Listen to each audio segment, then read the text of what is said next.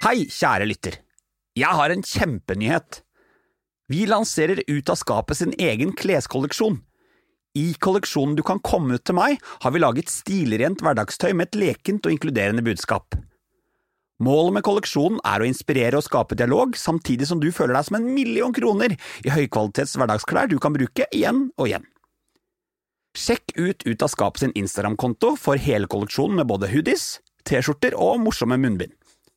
Og du, alt overskudd av denne kolleksjonen går til å produsere den nye sesongen av Ut av skapet, så handler du, da bidrar du, og det setter vi enormt pris på. Nå starter podkasten, så kos deg. Hilsen fra Sølve og resten av teamet.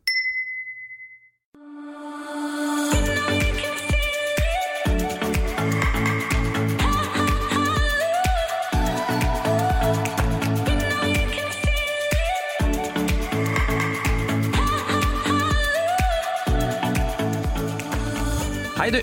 I dag treffer du Kristoffer Gunnestad i podkasten. Eller bare Kristoffer. Ja, altså, jeg kommer fra Valdres, lite tettsted. Flytta til Gjøvik for å gå på videregående. Litt større, men fortsatt ikke Oslo.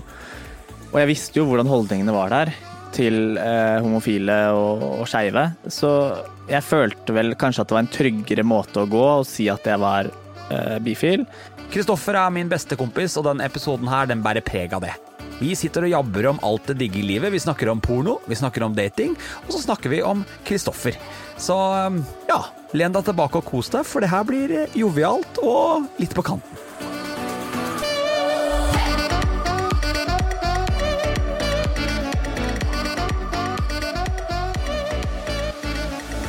I dag er det jo litt annerledes stemning i studio, merker jeg, for jeg har med meg Kristoffer i studio. Velkommen i studio, Kristoffer. Tusen takk. Jeg syns det er veldig hyggelig å ha deg her. Jeg er veldig, jeg er veldig glad for at jeg er blitt invitert. Er det lov å litt, litt sjokkert. Er du det? Ja, litt sjokkert er jeg. Er du litt sjokkert? Ja, Nå hadde jeg tenkt å dra en spøk om at du allerede har gjort et intervju, men ikke var fornøyd med det du ba om å få et til. det stemmer jo. Ja, det stemmer. Forklar meg hvorfor du ikke var fornøyd med det første intervjuet ditt, Kristoffer. Nei, men jeg tenker vi kaster ikke bort eh, verdifull tid på det, gjør vi det? Nei, det er jeg, jeg, jeg er her for å snakke min sak, jeg. Kristoffer gikk etter det forrige intervjuet sitt litt i struts og var litt stressa for at han hadde sagt ting han ikke burde si, så her sitter vi. Kristoffer er den eneste som har fått to sjanser i denne podkasten, og det skulle bare mangle, cause he's my best friend. Ja, Enkelte fordeler må man ha, tenker jeg. Jeg gjorde en oppdagelse her en dagen. Jeg, eh, plutselig så delte du eh, litt sånn nå er jeg redd. Ja, du delte gamle filmklipp og videoproduksjoner som du har laget liksom i ungdomstiden din, og da ble jeg veldig sånn bevisst på at Kristoffer, han har alltid vært en litt sånn kreativ sjel. Var du sånn når du var yngre òg? Ja, det vil jeg vel egentlig si at jeg var. Det starta kanskje med sånne små stands på hjørnet hjemme i nabolaget, der vi solgte alt fra brukte kulepenner til uh, Kunne veit hva vi solgte. Hva skulle dere ha penger til da? Nei, jeg vet ikke, vi ville bare ha penger. jeg var, og er jo fortsatt glad i penger, så var, bodde vel en liten sånn gründer i meg ganske tidlig. Så eh, jeg husker det, og jeg bodde, eller jeg er fra Valdres, og i det lille nabolaget der vi, der vi bodde, så eh, det var ikke akkurat veldig trafikkert. Nei. Så det kom jo kanskje et par biler i halvtimen. Eh, Så var vi heldige da hvis noen stoppa og Jeg husker noen kjøpte en kulepenn for 80 kroner. Det var stort. 80? Ja, 80 kroner. Den var brukt. Ja, men Det er mulig at jeg allerede solgte inn som en vintage julepenn, da. Second hand. Men ja, så jeg, det kreative starta vel allerede da, og så gikk jeg media og kommunikasjon på videregående. Og det er jo det klippet du refererer til. Det var en sånn reklamefilm som jeg skulle lage der. Når jeg ser tilbake nå, så tenker jeg jo eh, herregud så flinke ungdommen er i dag, kontra vi, hva, hva vi var. Og hva de kan få til bare i en app på telefonen. Ja. Det var jo ikke akkurat høy kvalitet av det, det jeg leverte, men, Men det var mye innsats. mye innsats, det vil jeg si. Jeg har alltid tenkt en ting med deg, og det er du har en unik evne til å få gull ut av gråstein. Ja. Jeg prøver alltid å se positivt på alt. Eh, og tenke ja, hvordan kan vi bruke det her til vår fordel, da? Og altså, du jobber jo nå i manager for eh, med, med, med for, du er manager for et supertalent og en fantastisk artist, eh, men jeg vet også at dere er ganske homemade. Og du jobber jo Altså, dere er ikke under et sånt kjempestort paraply med millionbudsjetter å ta av. Jeg vet at du må jobbe mye med kreative løsninger. Ja. Som, og det er det jeg mener her, da. Som selv om jeg vet at der har du stått med stor vifte og børsta løv liksom for å få det til å se ut som det er høst, så, så har du på en måte Så klarer du å få det til å se så proft ut. Hva er det ved deg som hvilken, hvorfor, hvorfor er du så glad i å høsle? Fake it till you make it. Ja, er det sånn? Ja, ja, rett og slett. Uh, uten tvil. Og det er sånn, uh, som du sier, det Ulrikke og jeg gjør, er, vi kaller, det er hjemmesnekra. Eh, det er vi som kjører hele showet på egen hånd. Det er ikke noe stort plateselskap som spytter i penger, eller kommer med fotografer, eller har kreative folk. Eh, det er vi som, som gjør alt. Og i forhold til fake it till you make it, det, jeg har vel kanskje levd eh, eh, ved de ordene ganske lenge. Uten at det skal være at jeg fremstiller meg så veldig mye annet enn hva jeg egentlig er, men eh, jeg tror muligheter kommer da, hvis du bare tør å være litt vågal. Er det Føler du at den måten du jobber på, den måten dere jobber på, er litt annerledes i Norge? Ja. Det Ja, det vil jeg nok tro. Og også det at vi har et såpass nært vennskap som vi har, pluss at eh, jeg er manager for henne, gjør jo til at det er en annen dynamikk i alt vi gjør. Eh, Jeg tror ikke det er like mange managere som eh, har en sånn Instagram-profil som jeg har, eksempel, eller sånn profil på sosiale medier, og at Ulrikke er ok med at eh, jeg får gjøre mitt der, på en måte, og så gjør vi vårt sammen på henne, hennes prosjekter. da. Ganske kult. Ja, for jeg, jeg vet jo at du elsker oppmerksomhet. Jeg elsker Ja, den er litt tricky, fordi jeg elsker sånn oppmerksomhet. Sånn type liksom på sosiale medier, eller om det er hvis vi gjør noen TV-greier sammen og sånne ting. Men bursdag, for eksempel. Hater bursdag. Hater oppmerksomheten jeg får på bursdag. Så, Ja. nei, så, så normalt så feirer jeg ikke noe særlig bursdag. Jeg, jeg, mitt største mareritt er å sitte på en restaurant, og de har bestilt bursdagssang til meg eller et eller annet av kelnere. Men føler du kanskje at eh, Eller jeg føler det med deg at du er mer opptatt av å få anerkjennelse for noe du har gjort og laget eller eh, produsert, Mm. enn kanskje hvem du er? Ja, og det er bare Jeg er ikke noe glad i å stå i midten av oppmerksomheten på den måten, da. Samme som et bryllup. Herregud, jeg jeg blir svett allerede, bare, bare tenk på det. At liksom 200 mennesker skal, skal sitte der og se på meg og mannen min. Jeg tror det er ingen fare. Nei, vi kommer aldri så langt i livet. Det nok, hvis man ikke vet det om deg, at du har bodd så lenge i USA, så er det også litt vanskelig å forstå kanskje hvorfor du er som du er, eller gjør som du gjør, Ja. noen ganger. Ja. For jeg tror den perioden i USA har vært, eller jeg vet at den har vært sykt Den har, vært, den har farga hvem du er, da. Tror du det at du er litt ekstra gutsy og er litt sånn fuck janteloven og sånn, kommer det fra den USA-perioden? Jeg tror det ble forsterka i USA-perioden. Eh, Jeg starta jo tidlig og ønska å kjøre min egen greie. og Jeg husker når jeg gikk på videregående, så pendla jeg til Oslo eh, for å eh, være partyfikser og lage eventer og afterparty for Madonna og liksom gå på rød løper og gjøre Fashion Week. Jeg ønska på en måte veldig å leve det livet. Så jeg tror den gutsy og fuck jantelov-delen starta nok tidlig. Eh, Men som sagt så er det blitt forsterka i USA, og man får litt andre impulser, inntrykk, og møter folk som jeg kanskje aldri hadde møtt i Norge. Du, Når var første gang du kjente på litt sånn annerledeshet? Og det kan bety mye. Mm. Eh, det er jo tilbake når jeg bodde i Valdres, da. Jeg husker veldig godt at mine to første kjendiscrusher, det var eh, Britney Spears og David Beckham. Fin kombo. Ja, jeg syns det er en flott kombo. Eh, også, men så visste jeg nok ikke helt om det var det at jeg følte Til Britney så følte jeg nok nesten en sånn eh, forelskelse, en, en tiltrekning. Mens til David Backham så var jeg nok aldri helt sikker på om det var den samme tiltrekningen, eller om det var bare at jeg ønska å bli som han, for han var så kjekk og han var så uh, flink og Suksessfull og hele pakka, ja. liksom. Eh, Så det var nok kanskje der det starta. Men så herregud, jeg, det er som søsknene mine sier, jeg ble trilla rundt i, eh, i rosa babytøy og eh, lilla barnevogn fordi at jordmor hadde sagt at jeg skulle bli jente. Oh, ja. Så mamma og pappa hadde jo bare kjøpt inn alt eh, i som det den gang var, jentefarger. Som nå ikke er eh, så viktig lenger. Det var veldig politisk korrekt av deg, Kristoffer. Jeg vet, Da jobba du hardt. Jeg jobba hardt. Altså, jeg kjenner deg så godt at du er den mest upolitisk korrekte personen jeg kjenner, men nå jobba du deg godt inn. Men, eh, men ja, så, så tilbake på det når jeg følte annerledeshet, så, så det, det starta jo tidlig med babyvogna og babytøyet. Og så eh, hadde jeg liksom alltid et ønske om å bli, bli noe, da. Så mamma lot meg starte på musikkskolen. eh, når jeg gikk på barneskolen, husker jeg. Og da først ønska jeg å spille fele, eh, men det fikk jeg ikke lov til, for det kom til å høres så stygt ut hvis jeg ikke klarte å spille riktig. Så det ble piano, og da fikk jeg med til slutt en pianolærer som hadde eget, eh, eget studio. Så da spilte jeg inn de to første låtene jeg fikk spille inn på CD, var eh, En stjerne skinner i natt til jul. Det ble julegave til familien. Og eh, Mamma Mia Nei, ABBA-låta eh, Super Trooper. Eh, dette var ikke jeg klar over. Har du spilt inn en Bo- remake av en låt og gitt bort i julegave? Ja, det stemmer. Både på vokal og piano var jeg både på Super Trooper og eh, En stjerne skinner i natt. Har du sunget? Ja, ja, klart jeg har sunget. Jeg, var, jeg skulle jo bli stjerne. Jeg har hørt deg synge. Ja, det var jo ikke så pent. Og, da før stemmeskiftet, altså Jeg ønska vel å tro at jeg kanskje var i, på måte litt på vei mot Sølvgutten-status. Var du det? Nei. Oh, question. Nei, det finnes ikke. Vi skal ikke grave i arkivene og finne fram til det der. Det er helt sikkert visst. Klarer du liksom å huske din første sånn same sex, eller din første liksom skeive forelskelse? Eh, ikke forelskelse, men jeg husker når jeg var 15, så var jeg på språkreise til England. Da jeg var 15. Kristian. Den gang da, hver gang når, ikke sant? Hver gang når du er 15. Ja, hver gang jeg er 15. Eh, nei. Da jeg var 15, Sorry. Jeg beklager til dere som hører på, men sånn er det. å være venn med deg. Ja.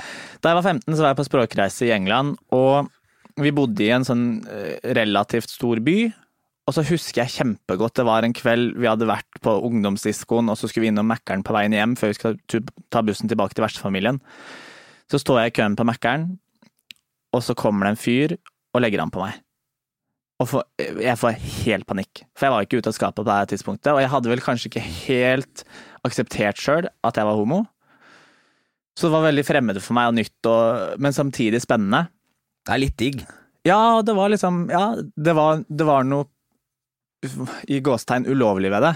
For at jeg var jo ikke ute, var ikke, det var noe spennende, det var noe som ingen visste om. Eh, men så ble det med det at han prøvde å sjekke meg opp og prate med meg og sånne ting. Og så året etter, eller to år etterpå, eh, nei, jeg tror det var året etter, så var jeg tilbake igjen på samme sted med noen venner som også hadde vært der, vi ferierte der. Og da tok jeg meg sjøl i å begynne å søke opp på Facebook, på eh, Google, og prøvde liksom å finne tilbake til hvem kan den her karen være. Så, så det var kanskje min første sånn derre tiltrekning til et faktisk annet menneske som ikke var en kjendis, da. Eh, Ja. ja. og det er så Jeg tror ikke Dette kan jo være Jeg vet ikke åssen det er med The straights, men oss skeive i den perioden hvor vi begynner å innse at vi er skeive, den mengden av stalking vi kan bedrive for å finne ut noe om folk, den er helt vill. Alle de rare tingene jeg har gjort sjæl opp igjennom. Det, det, det er liksom alle de guttene man har liksom søkt på eller prøvd å finne ut av, eller hvis det er en som man vet er homo som er litt kjekk, Ja. hvor langt man er villig til å tøye strikken. ja, er du gæren? Absolutt. Har du gjort eh, litt sånne rare ting du òg? Ja, det er jo nesten flauere å snakke om, for det var jo ikke bare da jeg var ung. Jeg kan jo fortsatt gjøre det, jeg. Det vet jeg. Ja. Eh, altså, for å si det sånn, Før denne podkastinnspillingen så snakket vi om en veldig flott og kjekk gutt som, eh, som jeg viste fram til Kristoffer. Og da hadde du allerede planlagt på en måte den første meldinga 'Hei, hei, vil du ha meg?' ja, så ille er det kanskje ikke. Men ja, jeg, Nå retta du på deg sjøl, for du har jo jeg, Det er sånn du er. jeg er, jeg er eh, em, Hva heter det? Jeg har eh, no shame. Men er ikke det litt viktig? Jo, jeg, jeg syns det er kjempedeilig. Em, så nei, så jeg er ikke noe redd for det å, å gå etter noen som jeg syns er interessante. Og så hvis, hvis ikke interessen er um, gjensidig, så går jeg videre. Men Hvordan blir man god Åh, er, dette er hard question, are you ready for it? Ja. Hvordan blir man god på å stå i avvisning? For det vil jo skje når man er sånn som deg, som er så frampå og aldri har noe problem med å si hei, du er digg eller har lyst til å møtes eller et eller annet sånt. Så er det jo ikke sånn at absolutt alle sier ja ja, let's hook. Det er jo mange som vil bare være altså sorry, men homsene er litt fæle på det der, og være litt cool guys. Hvordan står man i avvisning? Jeg tror det har noe med at fra jeg gikk på videregående, så et motto for meg alltid vært det verste som kan skje, er et nei. Eh, så, og sånn jobber jeg i, måte, i yrket mitt også, eller sånn jeg jobber, er liksom Ja ja, kanskje Nå har jeg pitcha et stort TV-prosjekt. Mest sannsynlig så går det ikke gjennom i det hele tatt, men det verste som kan skje, er et nei. Og da har jeg, da har jeg i hvert fall prøvd, Og da kan jeg vite at jeg har prøvd, istedenfor å gå i uvissheten om hva om dersom at det viser om at det. Så, um, så jeg tror kanskje det har noe med det å gjøre. Så børster jeg det fort av meg. Med mindre det er noen som jeg har holdt på med en stund og en er involvert med, da går det mye tyngre inn på meg. Men hvis det er noen som, som jeg bare har chatta litt med, eller sett på nettet, eller sett på gata, eller hva enn det skal være, og de ikke er interessert, hva faen skal jeg gjøre med det, da? For det er noe av det jeg beundrer mest med deg. Du har en sånn unik evne til å bare move on. Og jeg prøver jo å leve litt av deg sjæl også, men det er jo Jeg bare merker at jeg, bare er veldig imponert over hvordan du kan stå i sånn avvisning, for det er jo så mange ganger jeg sjæl ser en fyr jeg har lyst til å kontakte, eller, eller tenker at det der kunne vært gøy å enten ligge med eller uh, date med eller noe, men så tør jeg jo ikke å gjøre det. Fordi at det er, det er, så sykt kjipt hvis det er sånn Who the fuck are you? Ja. Kan ha noe med at jeg har blitt avvist mye òg, da. At jeg bare blir vant Eller ikke vant til det, men bare lærer å takle det over tid. Um, og igjen, jeg er Jeg har no shame. Jeg kan sende melding til Si det er James Charles på, det, på Instagram. Ja, ja. Og i mitt hode så er jeg så bestemt og uh, tror at jeg kommer til å få svar, at jeg bare Jeg gjør det med full overbevissthet og full selvtillit på at eh, vi kommer til å dra på date. Men så får jeg ikke noe svar. Ja ja, så bit, har jeg prøvd. Da er det neste fuglen, liksom? Ja. Ja, jeg heia det. Jeg merker at jeg må ta meg sammen. Jeg har vært litt dårlig på det. Jeg driver og, jeg driver og klager, jeg gjorde et intervju her i stad, da drev jeg og klaga litt på at det er litt dårlig litt eh, datingliv om dagen. Mitt datingliv eller ditt? Ditt er jo helt elendig. Unnskyld. Jeg var vel senere på date enn deg, holdt jeg på å si. Var du det? Mm, jeg var på date eh, Når var det? Et par dager siden. Kaffedate. Og du tenker på den daten hvor du gikk forbi han på utsiden av kafeen og så han og tenkte 'dette blir ikke noe daten'? Ja. Men det er altså ok, nå skal jeg forklare akkurat det scenarioet der. Eller ikke det scenarioet, men For det høres ut som at jeg er eh, Grinchen sjøl når det kommer til, eh, til homser. Men jeg har alltid vært sånn at jeg kan eh, se på et menneske, eller jeg kan prate med et menneske, og vite med en gang. Her er det interessant, eller her er det ikke interessant i det hele tatt. Og hvis jeg ikke får den følelsen med en gang, så veit jeg at jeg klarer ikke å jobbe fram, bygge opp den følelsen over tid, selv om jeg prøver. Eh, det er et tilfelle med en jeg begynte å tekste med på Instagram som bodde i Florida, og da bodde jeg Nei, jeg hadde ikke flytta Jo, jeg hadde akkurat flytta tilbake igjen til Norge, begynte å prate med han. Følte en grei connection på, på melding, og så begynte vi å ringes. Og etter første samtale så visste jeg at her ligger det noe. Her er det, Han her kommer jeg til å bli interessert i. Mm. Og jeg møtte han når eh, jeg var i LA, eh, og absolutt, det var den connection der som jeg visste kom til å ligge der. Men hadde jeg ikke hatt den på den første telefonsamtalen, så hadde jeg nok aldri giddet. Men jeg syns jo førsteinntrykk ofte stemmer. Hvis man er litt sånn Jeg tror bare det er mange skeive da, som vi har gått hele livet med følerne ute og gått og kjent på hva andre vi, Hele tiden så går vi med Vi, har liksom, vi sover med ett øye åpne. I tilfelle er det noen som snakker om oss, er det noen som eh, sier et eller annet. Hvordan ser han ut, hvordan er det sånn? Så har vi gått sånn hele livet og følt på ting. At vi er såpass bevisste på når vi møter en person, så ser vi på alle signalene Ja. med en gang. At det, eh, vi tenker på uttrykket, vi tenker på hvordan de formulerer seg. Kanskje det kan bli litt vel kritisk noen ganger? Burde vi gi litt mer sjanse? For jeg, der vet jo vi, du og jeg vet jo at vi er prikk like på det der. Eh, Altså Sier du én feil ting på det første møtet, så er du jo ute. Ja. Og det er jo egentlig ganske sjukt at vi er sånn nå, fordi det, det er jo ikke sånn at eh, beleilerne står i kø. Det er ikke noe sånn at det er et eh, kjempemarked av eh, mannfolk å velge mellom. Så egentlig så burde man jo være glad til når man først får seg en date og, og de viser interesse. Men eh, man skal jo ikke gå på kompromiss med seg sjøl heller, da. Bare for å få den kjærlighetsopplevelsen som man kanskje ønsker. Nei, og så merker jeg at jeg tror ikke helt på den her når folk sier sånn du må være klar for det. Du er ikke på det stedet. For det føler jeg at altså sånn som De gangene jeg har vært i et forhold, så har jo ikke det vært fordi at jeg har tenkt at å, nå er jeg så veldig klar for det. Det har vært litt tilfeldigheter som spiller inn. Så jeg, jeg, jeg føler jo også at er Du vet aldri når du liksom kan begynne å date eller dra inn i et forhold. Det kan være 150 forskjellige ting. Så er det lett å si sånn nei, nå fokuserer jeg på karrieren. Men du kan fortsatt fokusere på karrieren og treffe the love of your life. Ja, litt uenig der, kanskje. Det, men jeg var kanskje i en hva skal jeg si, eh, ekstrem situasjon, men det er i forhold til Grand Prix som vi gjorde nå i år, der der Ulrikke stilte eh, som artist. Mm. Og vi var fast bestemt på at vi skal vinne. Eh, vi kjører all in. Det er én ting som, er, eh, som vi er ute etter, og det er den seieren.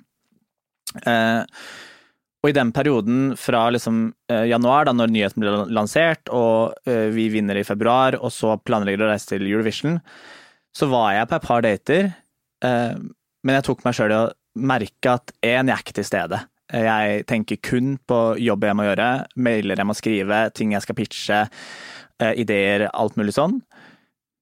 Så jeg klarte ikke å gi energi og nok av meg sjøl til en annen person til at det var rettferdig overfor et annet menneske å sette de i en posisjon der og ja, kanskje de blir interessert, men så sitter jeg egentlig her og nesten leker med følelsene deres. For jeg veit jo det at jeg har ikke tid.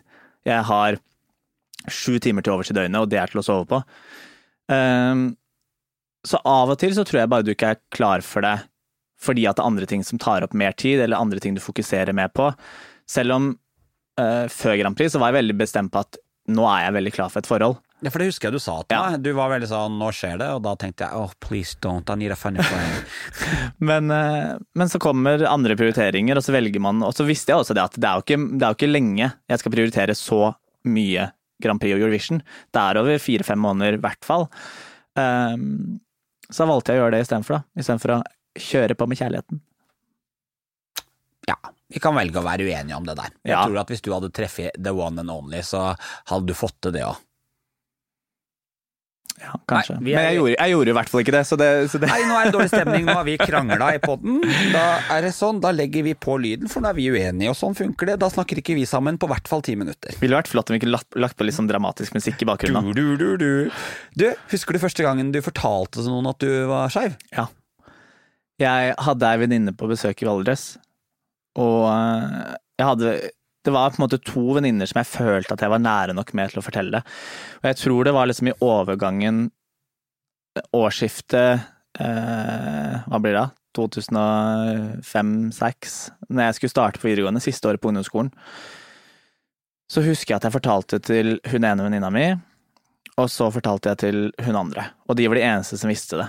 Eh, men jeg tror ikke vi snakka så mye mer om det etter det. Det ble at jeg fortalte at jeg er homo, og det ble med det, egentlig. Dro du rett på homo, eller var du innom bi? Jeg tror der så dro jeg rett på homo, og så når jeg kom ut på videregående, eh, så dro jeg på bi. For jeg kan ikke få sagt det nok ganger, det er veldig viktig å huske at vi skeive vi kommer ut mange ganger. Ja. Og det, vi kommer ut den dag i dag. Hver eneste gang, det er ofte hver eneste dag så står jeg i en situasjon hvor jeg treng, må fortelle det. Eh, ofte liksom for å kanskje verne noen for å stille det standardspørsmålet 'har du dame?' Og så blir det så kleint når de, jeg sier 'jeg er homo', men da har jeg fortsatt kommet ut. Så man kommer ut hele tiden. Og man velger kanskje litt forskjellige vinklinger på det, litt avhengig av hvem man snakker med. Ja, altså jeg kommer fra Valdres, lite tettsted. Flytta til Gjøvik for å gå på videregående litt større, men fortsatt ikke Oslo. Og jeg visste jo hvordan holdningene var der til eh, homofile og, og skeive, så jeg følte vel kanskje at det var en tryggere måte å gå og si at jeg var eh, bifil. Og så prøvde jeg nok å, tro, prøvde jeg nok å få meg sjøl til å være bifil også. Jeg husker jeg hadde ei venninne i Oslo som jeg festa en del med når jeg gikk første videregående, som jeg fortalte meg sjøl hele tida ja, men jeg liker Anne. Anne liker jeg. Anne er flott. Anne er jeg forelska i. Men jeg var jo aldri forelska i Anne. Men jeg prøvde veldig hardt å få meg sjøl til å like Anne og Thomas like mye, på en måte. Du har jo alltid vært Altså, du har jo alltid vært litt sånn annerledes, litt ekstrovert. Du har liksom I perioder så tror jeg også du har vært ganske feminin, sant? Mm. Har du opplevd noe mobbing? Uh, hvordan er det å være litt annerledes og vokse opp på landet, liksom? Gay på landet? Jeg vil si jeg opplevde erting, ikke mobbing. Mm. For jeg mener det er en forskjell på det. Jeg, eh, på hele oppveksten og opp gjennom ungdomsskolen så spilte jeg håndball. Eller jeg trente håndball. Men det var jo ikke noe guttelag, for det var homosport. Så det var ingen gutter som turte å spille. Så jeg trente med jente 15, jente 17 og damelaget bare for å få trent. Uh, og på ungdomsskolen så husker jeg at det var noen episoder der var, det var en, og kun én fyr som konstant liksom dytta meg litt i gangene, kalte meg homo, prøvde å være litt ekstra fæl. Uh, og allerede da så starta jeg med mentaliteten om at ja, ja, det er bedre at de snakker om meg enn at de ikke snakker om meg i det hele tatt. Så om de da snakka dritt, så var jeg i hvert fall på radaren deres, da. Ja. Så det ble mentaliteten der, og så begynte Hustling jeg på at a young age. Yes, sir. Eh, så begynte jeg på videregående, og da kom jeg ut til noen av jentene i klassen i første klasse, og så overgangen første til andre klasse. På den sommeren så fikk jeg spørsmål av bestekompisen min på Facebook. Da spurte han meg rett ut er du homo. Og da sa jeg ja. Og da er jo så klart første oppfølgingsspørsmål fra en hetero i den alderen hvem er den kjekkeste gutten i klassen? Ja, for det, det blir de ofte opptatt av. Ja, ja. Det merker jeg en dag i dag. Det blir en konkurranse. Altså Hvis jeg er på fest for eksempel med a lot of straight Eller de later som om de er straights Ja. så er det, Og du sier ja, jeg er homo, så er det sånn ok, se på oss tre. Kunne ligge med en av oss. Hvem vil du pult? Ja. Jeg bare ja, mest sannsynlig ingen av dere, for dere er straight, så det blir så dårlig stemning. Ja. Nei, så, og da gikk det også veldig fint å komme ut, og det var ikke noe problem. Alle gutta i klassen var kjempestøttende og var veldig på det at ja, hvis noen prøver å kødde med deg, gi beskjed, skal vi banke dem. Og det var veldig sånn ja, guttastemning. Og, jo, jo, herregud, jeg hadde de liv, livvaktene, ikke sant. Så, eh, men så var det én episode på videregående som jeg husker fortsatt en dag i dag, og det var i breddeidretten. Jeg er høy, jeg har god spenst, eh, glad i å spille volleyball, så jeg eh, smasha ballen på en av de andre gutta, og da i garderoba etterpå så ble det litt ubehagelig, for da kom han rett opp i trynet mitt og skreik og ga meg beskjed om at sånne som meg kutta de opp i fillebiter i hjemlandet hans. For han var fra Øst-Europa et eller annet sted. Ja, ja. Eh, Og da var det bare meg, han, kompisen hans og en til fra klassen min som var der. Eh, Så da, det følte jeg var litt ubehagelig. Men det er liksom det nærmeste jeg har kommet eh, mobbing og erting. Og så var det liksom Det er klart, jeg tror for, for de heterofile, når du kommer ut av skapet, så er det liksom det er én ting de frykter, og det er garderobekulturen. Så, så jeg husker liksom den første gangen vi skulle dusje etter gymmen sammen, så var alle gutta litt sånn ekstra, ekstra kjappe med håndkle rundt livet og passa litt på i dusjen og sånne ting. Og da sa jeg til dem, vet du hva, jeg har sett pikk før, jeg er ikke interessert i deres. Nei, og så er det jo litt sånn Og de så jo mye mer på hverandre enn hva jeg så på dem. Det er det som er så morsomt. Alle gutter ser på pikken til hverandre.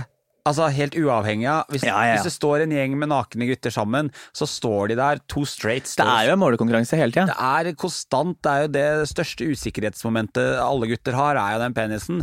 Så det er veldig moro hvordan vi homsene alltid blir beskyldt for å være Altså, vi er jo de som desperat prøver ikke se. Ja, ja. Altså, vi- Prøv, prøver å skjele med høyre øye ned, liksom, for å se med fortsatt av venstre opp. eh, og- Ja, eller bare sånn gå med blikket rett opp, for det er, hvis, hvis man er i den kom ut-fasen, så er man Ja. sånn Det er ingen som skal beskylde meg for å være homo.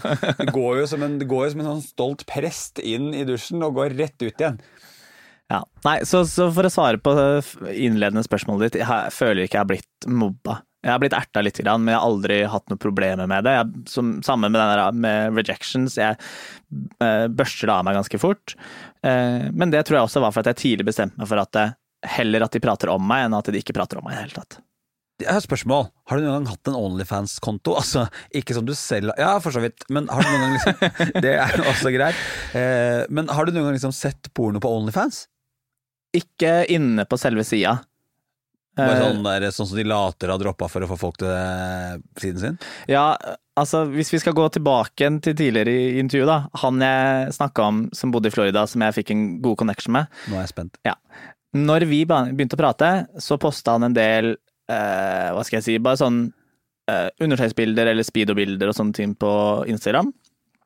Innen vi eh, Mellom vi begynte å prate ordentlig og til jeg møtte han i LA, så var han blitt pornostjerne. Åh. Ja. Har du data en pornostjerne? Ja. Jeg kan vel trygt si det, da. Let's dig into it! Hvordan, altså I Norge fins det ikke én eneste pornostjerne. pornostjerne. Ikke nå lenger, nei. Vi Nei. hadde jo mange før. Ja, Eller ikke men- mange, men hvor, hvor er Rocco nå, tenker jeg. Ja, jeg vet ikke. Ikke på russetreff. Han er ikke på russetreff, og det håper jeg ikke han er heller. Men jeg tenker sånn hvordan, Ja, når man dater en pornostjerne, Mm. er det ikke sykt mye sjalusi? Nå skal det sies at vi rakk jo ikke å date så veldig lenge, og det var spesielt. Det var det jo. Men jeg, jeg valgte liksom jeg, valgte, jeg visste hva han holdt på med, jeg valgte fortsatt å møte han og se hvor interessant det her var for oss. Og jeg tror nok han også ble litt satt ut av hvor bra connection vi hadde. Jeg tror ikke han var helt forberedt på at eh, vi skulle klaffe så bra som vi gjorde. Så um, uh, Men det var interessant i den form av at han hadde jo på en måte sine regler i forhold til dating. For eksempel han Én, han likte egentlig ikke å ha sex med mindre det var på kamera. Eh, med mindre han typ da var i et forhold med noen og sånne ting. Men fordi at eh, For han, han tente på å få penger for sex. Det var en greie. Det var en greie for han. Ja. Uh, han syntes det var vanskelig å ha en emosjonell connection til noen andre når han gjorde så mye på kamera, på en måte, og det skjønner jeg. Um, og så er det internregler innad i pornoen, skjønte jeg etter hvert også, så, men vi fant vel fort ut, eller jeg fant fort ut at for meg som er en relativt sjalu sjel, så er det umulig for meg å være sammen med en som driver med porno. For det blir jo en sånn ting man tenker på, kanskje, eller? Ja, spesielt når liksom han er for sent til middag fordi at han måtte jobbe. Jobbe overtid? Ja, og, og, da føler du litt på den at ja, du kommer hit nypult og skal sitte her og nyte middag med meg nå, liksom. Og, ja, så er det jo noe med det, det vil jo altså jeg bare, Dette er vanskelig å sette seg inn i, men eh, det er jo kanskje vanskelig hvis altså Nå er det viktig å huske at ekstremt mye i pornoindustrien er fake, men det er jo det at hvis du allerede kommer nypult, så er det ikke så lett å skulle ha seg en runde det første du kommer hjem. Det, det er sånn uten sammenligning for øvrig, men nå skal jeg snakke om mamma. for en Segway! Nå er jeg spent, Selve. Nei, men mamma, mamma var jo kokk, og hun syntes det var så slitsomt å komme hjem og lage mat. Det likte hun ikke ja, så godt. Nei, men, ok, da skjønner jeg referansen. Unnskyld. Men sånn, bare eh, rest in peace, mom. Men ja, det, sånn, det var det jeg skulle si. Så jeg føler det er litt sånn hvis du har pult deg gjennom hele arbeidsdagen. Ja mer eller mindre, så er det jo ikke sikkert at du har lyst til å pulle deg gjennom hele kvelden nå. Nei. Så, eh, nei, så jeg fant jo fort ut at eh, for meg så ble det veldig vanskelig å date noen som hadde som jobb å ligge med andre. Eh, så etter meg så veit jeg at han begynte å date porno. Kan godt hende at han gjorde det før meg òg, men etterpå så har han data andre pornoskuespillere. Ja, ja. Og jeg tror nok det er enklere for alle, for da, ha, da vet de, de vet litt mer hva de går til og kanskje har sine regler og sånne ting. Eh, men vi er gode venner til en dag i dag, og jeg har sagt det at når jeg kommer til LA neste gang, så er jeg klar for å være kameramann. Og så lurer jeg på en ting. Vi hører jo hele tiden at eh, ofte når det straight snakker om porn, så sier de ja, det er så urealistisk. Det er veldig ofte jeg ser homseporno og tenker dette er jo ganske realistisk. Ja. Det er sånn jeg ligger. Er det, altså, er det litt sånn? Er homsepolen Altså, jeg skjønner jo det at det ikke er naturlig at eh, man bare Og her er pizzaen din, og smeller, eh, smeller den inn uten å ha sagt eh, hei, fint du tar deg og sjekker om det er rent og pent. Men jeg opplever jo ofte at den homsesexen jeg ser på porno, den kan være ganske lik den sexen jeg har. Ja. Tenker du det samme? Ja.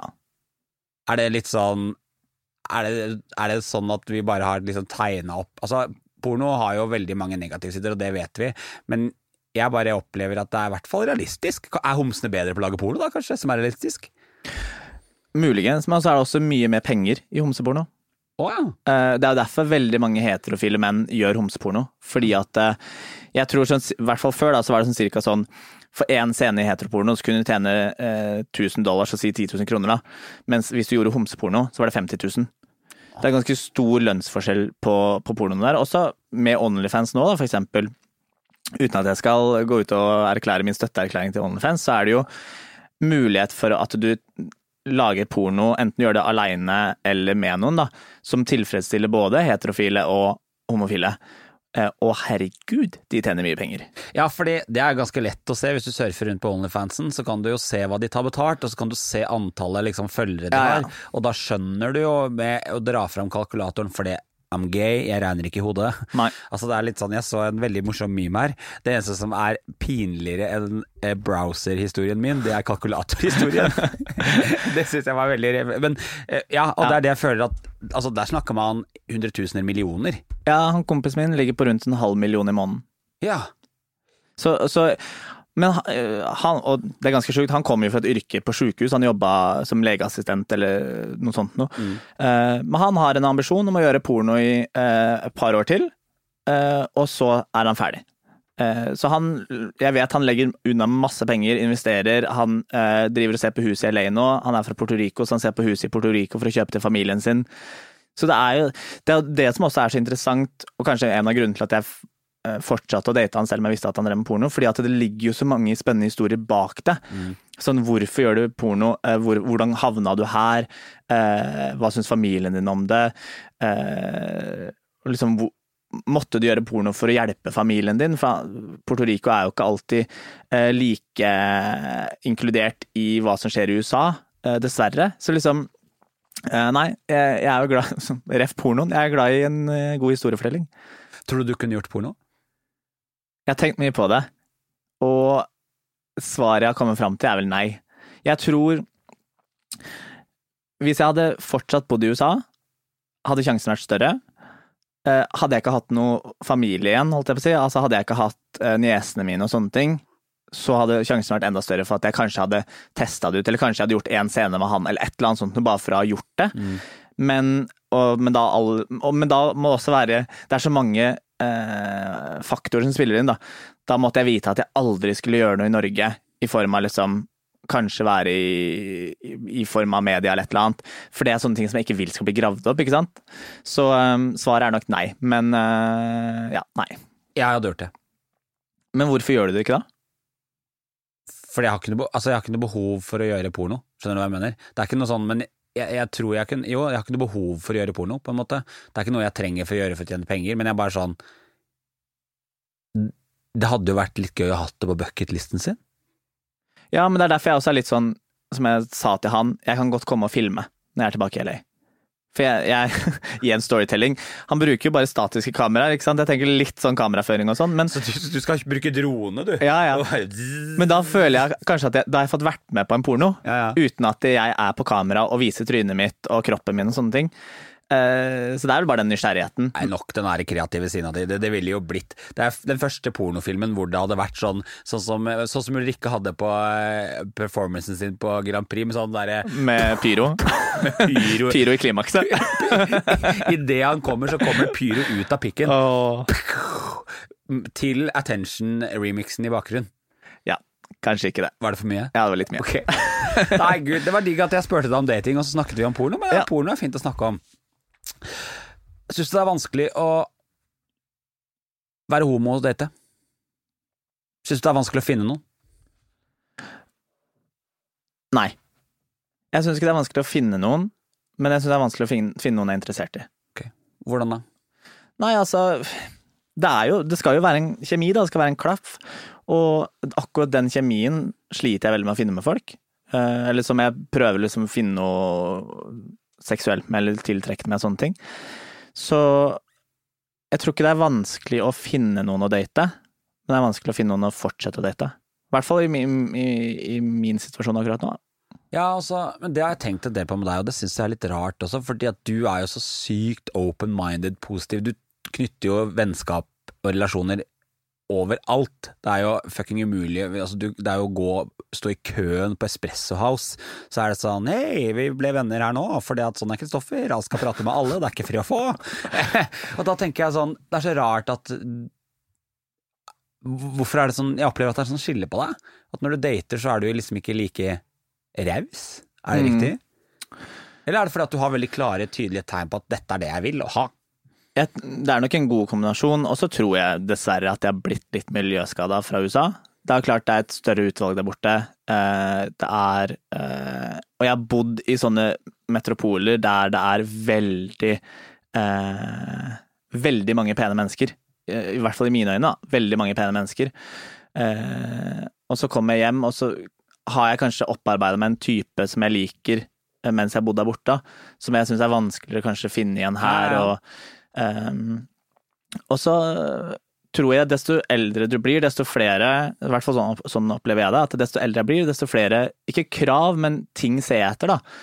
Eh, Det er, bare, trenger, det er ikke bare at du skal være pen eller at jeg skal føle meg tiltrukket av deg, men jeg ønsker at du eh, gjerne har en karriere på egen hånd. Eh, du trenger ikke å være liksom popstjerne, liksom, men jeg vil at du skal være flink i det du gjør. Eh, For meg så er talent ekstremt sexy, og eh, pågangsmot og drive er så tiltrekkende.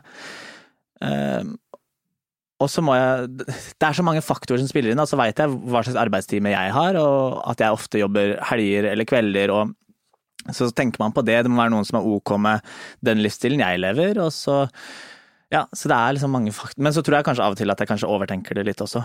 Ja, men jeg har litt sånn Vi snakker jo, du og jeg snakker jo om alle dater og all ligging og deler alt sånt der ting, og det er en sånn fellesnevner som går igjen hver gang noe ikke har funka for deg. Så ser jeg at ja, men den personen der har ikke den driven du er ute etter. Mm. Altså Vedkommende kan ha vært eh, kjekk og sexy og veltrent og alle de tingene der og god til å snakke for deg, men vedkommende har på kanskje ikke et, eh, eh, satt seg noen mål. Ja. Det er litt satt, og da ser jeg at da forsvinner jo du ut til sida med en gang. Ja, og jeg tror det er nok litt på grunn av første kjæresten jeg hadde i USA.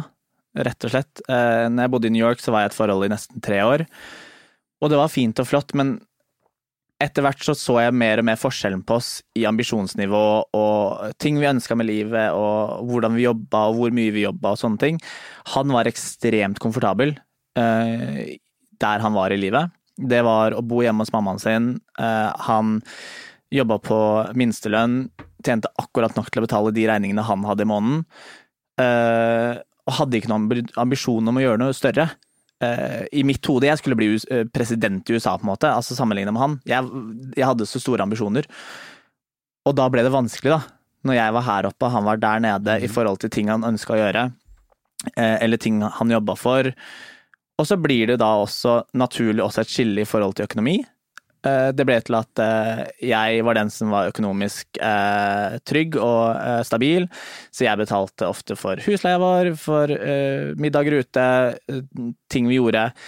Og det gjør meg ingenting å være den som betaler for det, men jeg vil ikke at det skal være sånn at jeg føler at jeg må. Nei, jeg, jeg, vil at det skal være en balanse, at jeg vet at om du tilbyr deg å betale for middagen vi er ute på, er, hvis det er en dyr middag, at du tilbyr at nei, nå skal jeg betale, så sitter jeg ikke igjen med en følelse at ja, men hvis du betaler den, så veit jeg at du kan ikke betale telefonregninga di neste måned. Så det går ikke. Uh, så jeg tror nok det forholdet gjorde meg veldig bevisst på hva jeg også ser etter i, uh, ja, i forhold til drive og uh, det at man ønsker noe større da, i livet enn bare å være komfortabel. For det jeg er livredd for, er å bli komfortabel. Etter, etter å ha vært med han, så jeg, blitt, har jeg fått en frykt for å bli komfortabel. Ja. Og jeg tar meg sjøl i bare som når jeg er på trening, eksempel, eh, og kommer i garderoben, så er det kanskje tre sånne eh, avstikkere med liksom garderobeskap. Jeg velger aldri samme gang eh, to dager på rad. Nei. Jeg bytter om fra hver gang jeg er på trening, for jeg vil ikke bli komfortabel med å kun være i den gangen, og kun ha skap på høyre side, eller kun ha skap på venstre side. Det er sånne småting som jeg blir helt paranoid på. Liksom, jeg vil ikke bli komfortabel.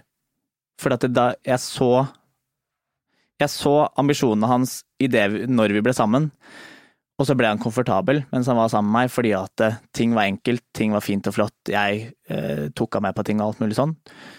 Og så mista han alt ambisjonsnivået, for han ble komfortabel, og hele familien hans var komfortabel i alt de gjorde. Ja.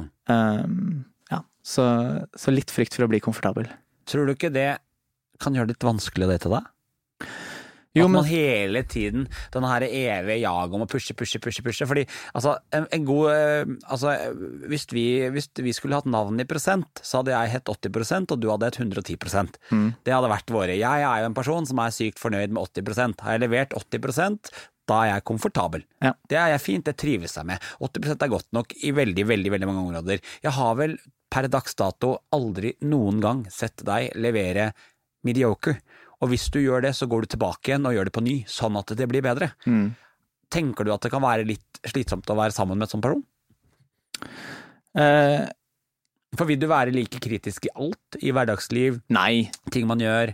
Alt dette her? Absolutt ikke. Og jeg, men jeg tror Hvis man igjen da ikke er på samme Eller i hvert fall tilnærma lik samme bølgelengde, så er det klart da vil det være ekstremt slitsomt, tror jeg, å være sammen med noen som meg, da. Men det er også litt derfor jeg ønsker å finne noen som er Som jevner, jevner ut balansen her, da. Eh, også, men så, jeg trives også veldig godt med meg sjøl, så derfor jeg er ikke villig til å gå på kompromiss med meg sjøl for å bare få den kjærligheten som jeg ønsker å ha en eller annen gang. Eller som alle andre sier at du trenger. Eventuelt det. Ja, jeg syns det er godt å se. Det er dritviktig å ikke gå på kompromiss med seg sjøl. Men så er jeg også litt spent på, for jeg opplever veldig mange norske homoer som komfortable.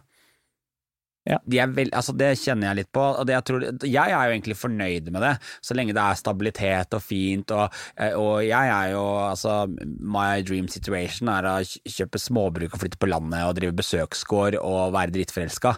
Det hadde vært dritfint. Sant? Det syns jeg hadde vært ti av ti prima.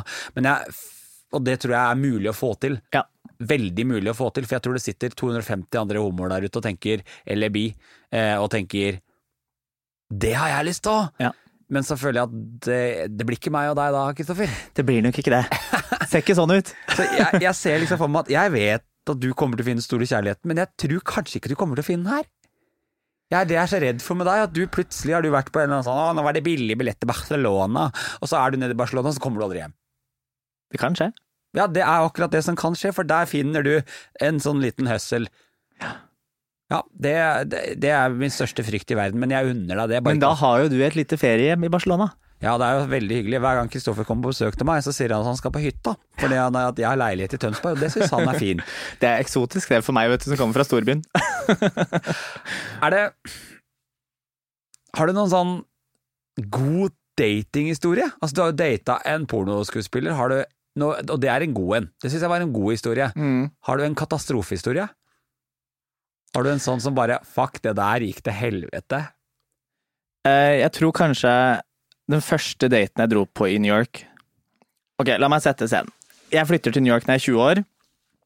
Eh, Drømmen er å erobre verden, ikke sant. Hva jeg skal erobre den med, aner jeg ikke. Jeg, men jeg flytter til New York, the place to be, ikke sant. Eh, Jeg er der på sånn utvekslingsår, type. og vi har sånn felles flyreise fra Gardermoen. Eh, Lander i New York. Alle de andre studentene hopper på bussen som er satt opp fra å kjøre fra JFK inn til Manhattan. Gunnestad og sine to roommates. Nei da, vi lever the American dream, så vi har leid oss limo. Så ufattelig kleint, liksom. Men vi bare ved bagasjebåndet bare Adios, amigos! Vi ses eh, på skolen i morgen, liksom. Og vi hopper inn i en eh, hvit stretch-limo, som vi tenkte var dritfett på den tida.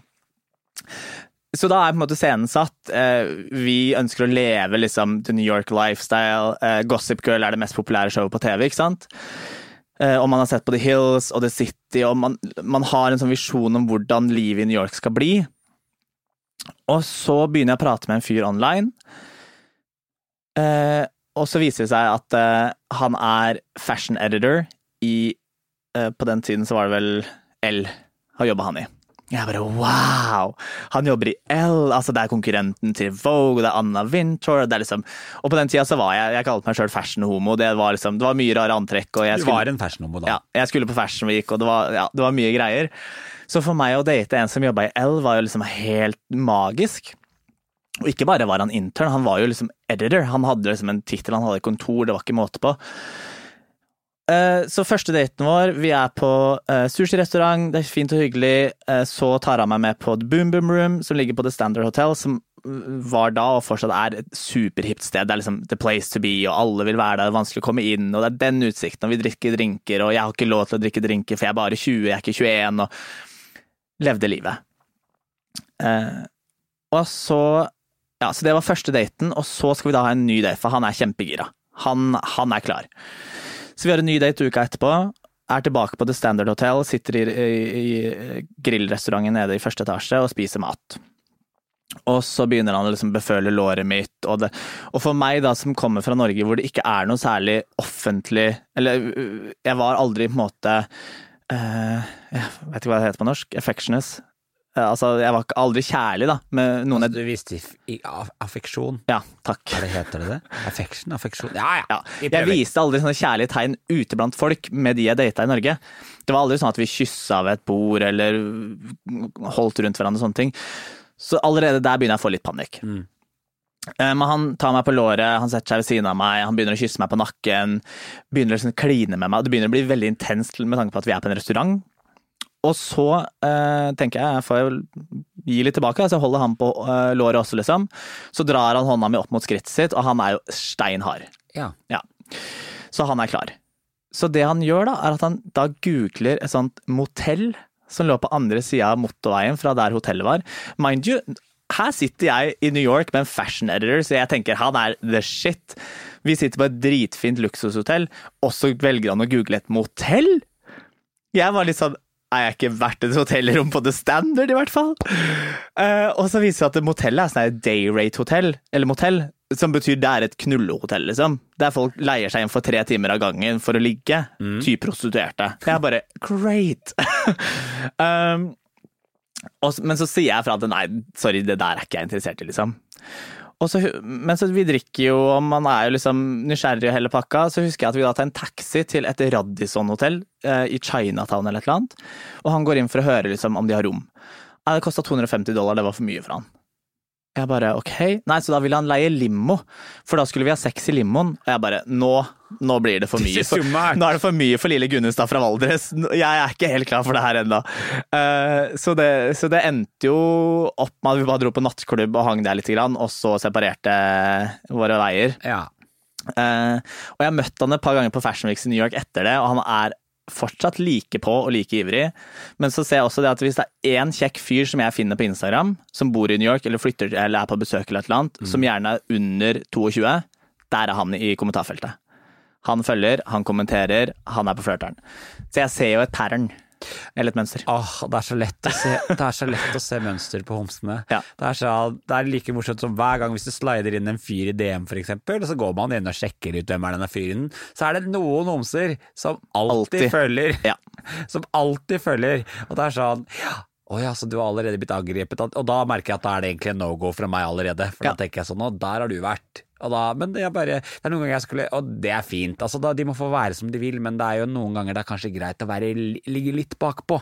Ja. Ligge litt grann bakpå. Jeg vil forresten bare komme med et innspill til historien din. Å, herregud. Sa jeg noe feil nå? Nei. Er generasjon krenk krenka? Fordi eh, Sorry. Det var ikke krenk. Det var mer det at det er umulig å kline uten å få banneren. Jeg vet ikke helt, jeg. Nei, jeg, jeg snakker bare for meg sjøl. Det har aldri skjedd. Okay. Det er derfor jeg ikke kan kysse venninner på byen, for jeg får benneren. Oi. Ja, men jeg vet ikke. Det er, og det, og det betyr Og det er sånn som du sa, du sa det bare Vi klinte, og så ble han hard, så var han klar. Men det er ikke alltid jeg er klar. Nei. Men det, bare, det er en sammenkobling. Ja. Når tunga går ut, så går pikken opp. Ja, ja. Det er sånn. Hver sin smak. Så hvis du ser meg gå sånn på gata Nei, nei, jeg bare tuller. Unnskyld, det må vi klippe ut. Det Så, så det er grunnen for at du alltid står i et hjørne på Elsker når vi er ute på byen? Du vet like godt om at jeg står ikke i noe hjørne på Elsker. Jeg står midt på dansegulvet. Ja, men du står ofte i et hjørne og kliner. Kristoffer. Ja. Det må vi også klippe ut. Jeg har klint så mange ganger på Elsker, og det, det skammer jeg meg litt over. Ja. Jeg gjør det. Hva tenker du på? Nei, jeg bare så på klokka, jeg har et eh, møte, men det er, det er ikke før om en time. Nei, det er bra. Nei, nei ja, men jeg, jeg, har, jeg har klint mye på offentlige utesteder. Blir du klein av de dagen etterpå? Ja. Ikke sant? hva mener du? Hva er, Nei, jeg- nei, jeg bare er lurer på- psykoanalyse som kommer her nå? Nei, absolutt ikke. Jeg bare lurer på om du, om du står i det dagen etterpå, eller om du tenker at herregud, det der, kunne, det der er jeg for god for. Det der er greit at jeg gjorde da jeg var 18-19-20, nå er jeg snart 40, det burde jeg gått for god for. Fy faen! Det tok lang tid før du reagerte på det. Ja, og jeg trodde aldri du kom til å si det, for jeg hadde nemlig tenkt å bygge opp det her med å si men dette her var jo mye før. Men det er jo ikke det. Jeg kliner jo fortsatt. Ja. Det har ikke vært få ganger vi har vært på byen hvor du har sett meg med tunga ned i halsen på en eller annen fyr borti et hjørne. Nei, det er absolutt ikke. Men jeg ligger ikke med det, da. Nei, det gjør du ikke. Så, og det er jo trist. Uff, da fikk jeg en veldig sånn for et trist liv. Åpenbaring. Men jeg bare syns klining er digg, og jeg er lett å kline med. Mm. Og så har, er- har du et snev av attraktiv og tenker at eh, Og jeg syns det, og du vurderer å kline med meg, så bare gjør det, for jeg kommer til å si ja. Ja. Du, nå har vi sittet og snakka dritt i over en time. Det er godt at denne poden skal klippes ned til 50 minutter, for her er det mye ræl å ta av. Mye, mye å få ut. Jeg pleier alltid å spørre de fine folka som jeg har med podden om de har et godt og inkluderende råd å komme på slutten av podkasten. Nå er det jo sånn at du er her i dag, så jeg må jo spørre deg. Jeg skal ikke si det, bare større, så det dropper vi med deg. i dag. Og du har jo ingenting å komme med, Kristoffer. Nei da, jeg bare tuller. Så eh, jeg er veldig spent på hva du har forberedt. Jeg har veldig høye forventninger til ditt råd, Kristoffer. Mitt råd for bedre, mer inkludering. Nei, ditt råd som kan gjøre hverdagen litt mer raus og inkluderende for folk flest, eller digg. Kom deg ut og reis. Ja. Rett og slett. Eh, om det er at du trenger å komme deg fra Valdres til Oslo eh, for å oppleve litt andre impulser, gjør det. Trenger du å komme deg fra Oslo til Stockholm, kjør på. Men bare gjør det, og stå i det, og tør å gå litt utafor det som er typisk turist. Eh, prøv å leve litt som en lokal når du først er der, selv om du bare er der en helg eller en uke eller hva enn det er. Prøv å bare suge til deg alt det. Jeg kan bli tatt feil. Glemme hvilken podd jeg er i. Eh, sug til alt av impulser, og prøv å få med deg alt det Det her går ikke, selve. Ja, Ja.